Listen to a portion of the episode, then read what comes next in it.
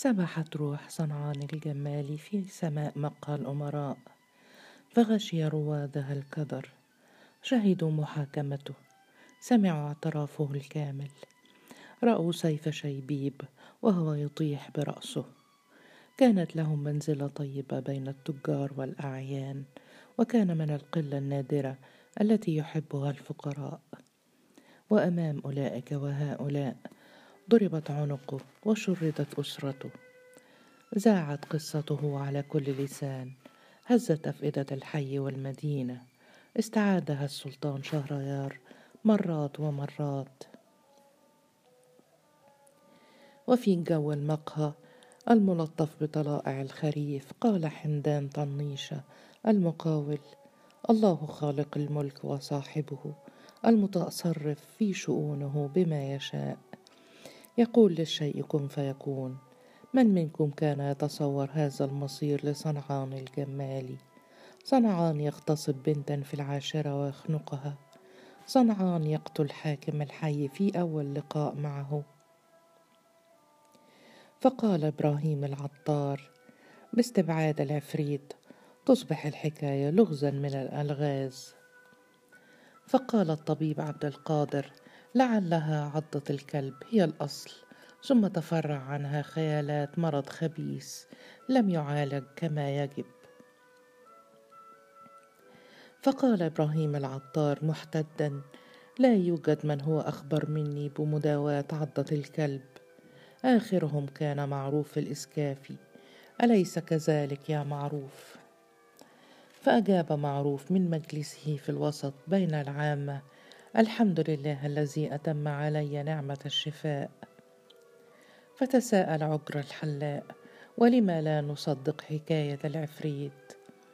فقال إبراهيم السقاء إنهم يفوقون الآدميين عددا. فقال سحلول تاجر المزادات والتحف الموت في غنى عن الأسباب. فقال معروف الإسكافي لي مع العفاريت حكايات وحكايات. عند ذلك قال شملول الأحدب مهرج السلطان علمنا أن العفاريت تتجنب دارك خوفا من زوجتك فابتسم معروف مسلما بقضائه ولم تلق الدعاب نجاحا في, الكو في الجو الكئيب. وقال جليل البزاز ضاع صنعان وضاعت أسرته. فقال كرم الأصيل صاحب الملايين والوجه الشبيه بالقرد. ومد يد المعونة مد يد المعونة لأسرته يعتبر تحديا للإمارة فلا حول ولا قوة إلا بالله. فقال إبراهيم العطار أخوف ما أخاف أن ينفر الناس من أسرته اتقاء لشر العفاريت. فقال حسن العطار الابن هيهات أن يغير شيء ما بيني وبين فاضل صنعان. وعاد حمدان طنيش المقاول يقول يقول للشيء كن فيكون.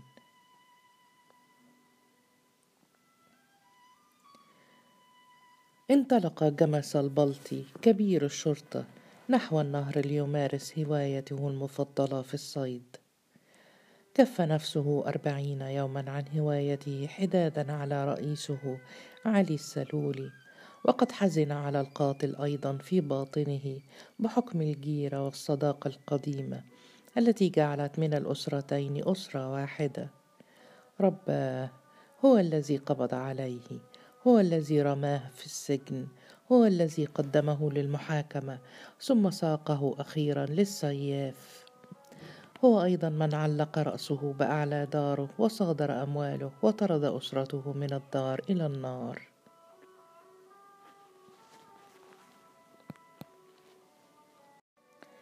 على ما عرف به من شدة وصلابة فقد تقدر صفوه وحزن قلبه.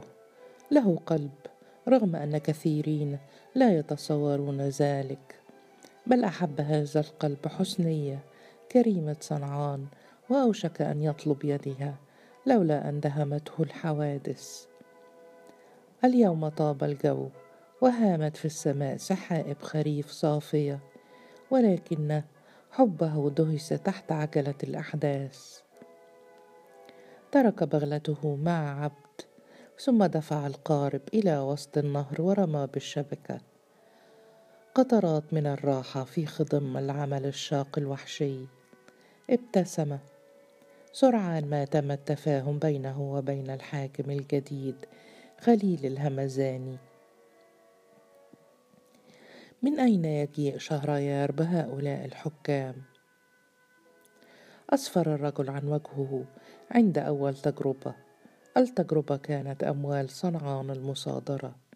استولى على نصيب منها لا يستهان به وألقم بطيشة مرجان كما ألقمه نصيبه وأضاف المتبقي إلى بيت المال. استولى على نصيبه نصيبه بالرغم من حزنه لمصير صديقه معتذرا أمام نفسه بأن الرفض يعني تحديا للحاكم الجديد. في قلبه موضع للعواطف وموضع للقسوة والجشع قال لنفسه من تعفف جاع في هذه المدينة؟ وتساءل ساخرا ماذا يجري علينا لو تولى أمورنا حاكم عادل؟ أليس السلطان نفسه هو من قتل المئات من العذارى والعشرات من أهل الورع والتقى؟ ما أخف موازينه إذا قيس بغيره من أباكر من أكابر السلطنة. تنفس بعمق. حقا إنه يوم جميل. السماء منقوشة بالسحب. الهواء معتدل. الشبكة تمتلئ بالسمك ولكن أين حسنية؟ أسرة صنعان تقيم اليوم بحجرة. بربع بعد الجاه والجواهر والإسطبل. أم السعد تصنع الحول الحلوى التي كانت تسحر بها الباب الضيوف وفاضل يسرح بها كبائع جوال. أما حسنية فتنتظر عريسا لن يأتي. هل حقا سخرك عفريت يا صنعان أو أتلفتك عضة كلب؟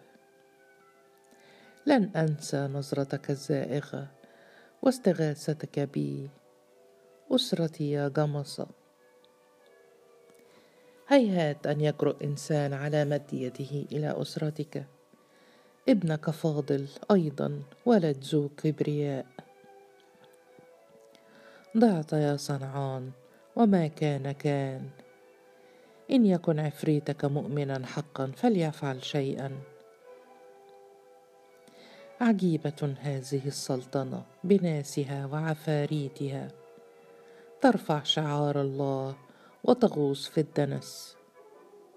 وبغتة تحول وعيه إلى يده. ثقلت الشبكة مبشرة بالخير. جذبها بسرور حتى استوت فوق سطح القارب. لم ير بها سمكة واحدة.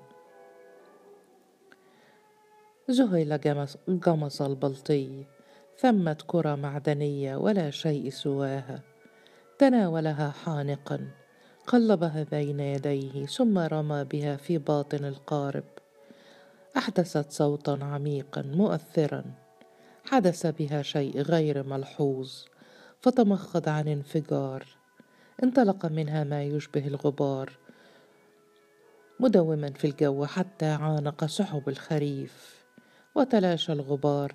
تاركا وجودا خفيفا جثم عليه فملأ شعوره بحضوره الطاغي. ارتعب جمص على إيلافه مواقف الخطر. أدرك بسابق علمه أنه حيال عفريت منطلق من قمقم. ما ملك أن هتف؟ الأمان بحق مولانا سليمان. فقال صوت لم يسمع له مثيلا من قبل. ما أعزب الحرية بعد جحيم السجن. فقال البلطي متوددا بحلق جاف خلاصك تم على يدي. فقال العفريت اخبرني اولا عما فعل الله بسليمان. فأجاب مات سيدنا سليمان منذ أكثر من ألف عام. فقال الرجل ورأسه يتمايل من النشوة مباركة مشيئة الله هي التي سلطت علينا. إرادة آدمي لا يرقى في تر... لا يرقى ترابه إلى نارنا. وذلك الآدمي هو الذي عاقبني على هفوة من هفوات القلب. يغفر الله أكبر منها برحمته. فقال جمص بأمل متصاعد هنيئا لك الحرية فانطلق واستمتع بها. قال بسخرية أراك تطمع في النجاة. فأجاب بما كنت الوسيلة إلى خلاصك. فقال له ما حررني إلا القدر. فقال جمص بلهفة وكنت أداة القدر. فقال بحنق في سجن الطويل امتلأت بالحنق والرغبة في الانتقام. فقال بضراعة العفو عند المقدرة من شيم الكرام. فأجاب بارعون أنتم في الحفظ والاستشهاد والنفاق وعلى قدر علمكم يجب أن يكون حسابكم فالويل لكم. فقال جمص البلطي باستعطاف نحن نخوض صراعا متواصلا مع أنفسنا والناس والحياة وللصراع ضحايا لا يحيط بهم حصر والأمل لا ينعدم ابدا في رحمة الله. فقال العفريت في صرامة الرحمة لمن يستحق الرحمة ورحاب الله مفروشه بأزاهير الفرص المتاحة لمن استمسك بالحكمة. لذلك لا تحق الرحمة إلا للمجتهدين وإلا أفسدت الروائح الكريهة نقاء الجو المضيء بالنور الإلهي. فلا تعتذر عن الفساد بالفساد. قال غمصة نحن نؤمن بالرحمة حتى ونحن نضرب الأعناق ونكتز الرؤوس. فقال العفريت يا لك من منافق ما عملك؟ فأجاب كبير الشرطة. قال له يا لها من ألقاب هل تؤدي واجبك بما يرضي الله؟ فقال غمص بقلق واجبي أن أنفذ الأوامر. قال العفريت شعار يصلح لتغطية الخبائث فقال له لا حيلة لي في ذلك.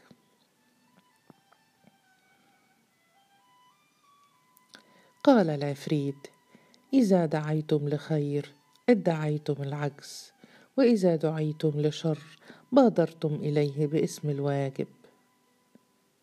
وقع جمص في حصار محكم. وهفت عليه نزر الوعيد فتراجع إلى حافة القارب وهو يرتعد.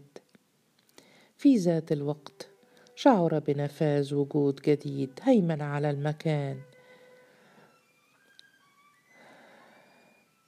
فآمن بمقدم, بمقدم عفريت آخر وأيقن الضياع. قال القادم الجديد مخاطبا الأول هنيئا لك الحرية يا سنجام. فأجاب الشكر لله يا قمقام. قال له لم أرك منذ أكثر من ألف عام. فأجابه ما أقصرها بالقياس إلى العمر وما أطولها إذا انقضت في قمقم. قال له وقعت أنا أيضا في شباك السحر وهو يضاهي السجن في عذابه. فقال له ما تصيبنا آفة إلا من بني آدم. قال له من في فترة غيابك وقعت أحداث وأحداث فلعلك يهمك أن تلم بما فاتك. فأجابوا بلى ولكني أريد أن أتخذ قرارا نحو هذا الآدمي. فأجابه دعنا منه الآن هيهات أن يفلت من يديك إذا أردته ولكن لا تتخذ قرارا وأنت حانق فما هلك منا عفريت إلا فريسه لغضبه هلم بنا إلى جبل قاف نحتفل بتحريرك. قال سنجاب مخاطبا البلطي إلى اللقاء يا كبير الشرطة. مضى الوجود المهيمن يخف حتى تلاشى تماما. استرد جمص حرية أعضائه ولكنه تهاوى فوق سطح القارب. خائر القوى وثملا بالأمان في آن واحد.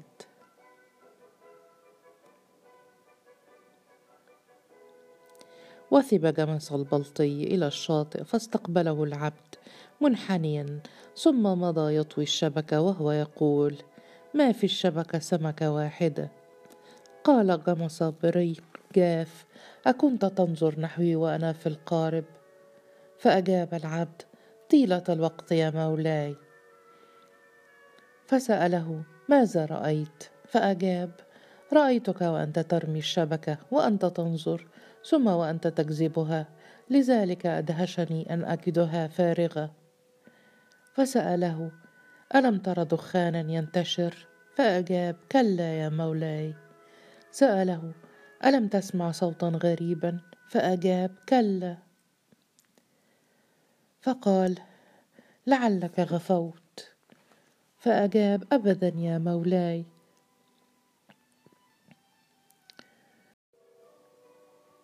ما كان بوسعه أن يشك فيما وقع له. إنه حقيقي أكثر من الحقيقة نفسها. وقد حفر في ذاكرته اسم قمقام بمثل القوة التي حفر فيها اسم سنجام.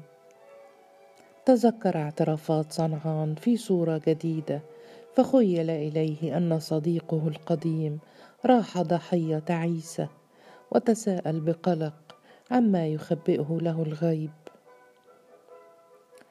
طوى سره في صدره حتى رسمية زوجته لم تعلم به وهو سر يثقل على الصدر والقلب ولكن ما الحيلة؟ إذا فشى يوما أضر به وبمركزه وافقده وظيفته. ظل طول الليل متفكرا في العواقب مصمما على الحذر. سنجام مؤمن فيما بدا وسيحفظ له جميل تحريره ولو صدفة. نام عقب صلاة الفجر ساعة ثم استيقظ على حال أفضل. كان بطبيعته قويا يتحدى الصعاب والوساوس. لقد استأنس السلول والهمزان وليس سنجام بأشد مراسا منهما. وقالت له رسمية وهما يشربان لبن الصباح. أمس زارتني جارتنا القديمة أم السعد. توترت أعصابه فجأة. قدر خطورة الزيارة. تقدير شرطي عالم بباطن الأمور وقال بجفاء أرملة مسكينة ولكن. وتردد لحظة ثم واصل حديثه ولكن زيارتها لنا تضر بمركزي. فقالت حالها تقطع القلب. فقال هكذا حال الدنيا يا رسمية ولكن لندعو. لندعو الله ما لنا غير الله. فقالت جاءت بأمل أن تعينها على تقديم التماس للحاكم برد أملاك الأسرة. فهتف يا لها من جاهلة. قالت لقد قالت لي إن الله لا يأخذ الأبناء بذنوب الآباء. فأجاب شهريار نفسه هو الذي أصدر الحكم. ثم قال بوضوح صنعان كان صديقي ولكن ما قدر كان. ولعل قتل البنت بعد اغتصابها لا يعد شيئا بالقياس إلى قتل حاكم الحي. فالسلطان يعتبر الضربة الموجهة إلى نائبه موجهة إليه شخصيا. وما زال السلطان سفاكا رغم تغيره الطارئ فلا تشجعيها على التردد عليك وإلا حلت بنا لعنه لا قبل لنا بها. فوجمت المرأة منكسرة الفؤاد فقال إني في الحزن مثلك ولكن لا حيلة لنا.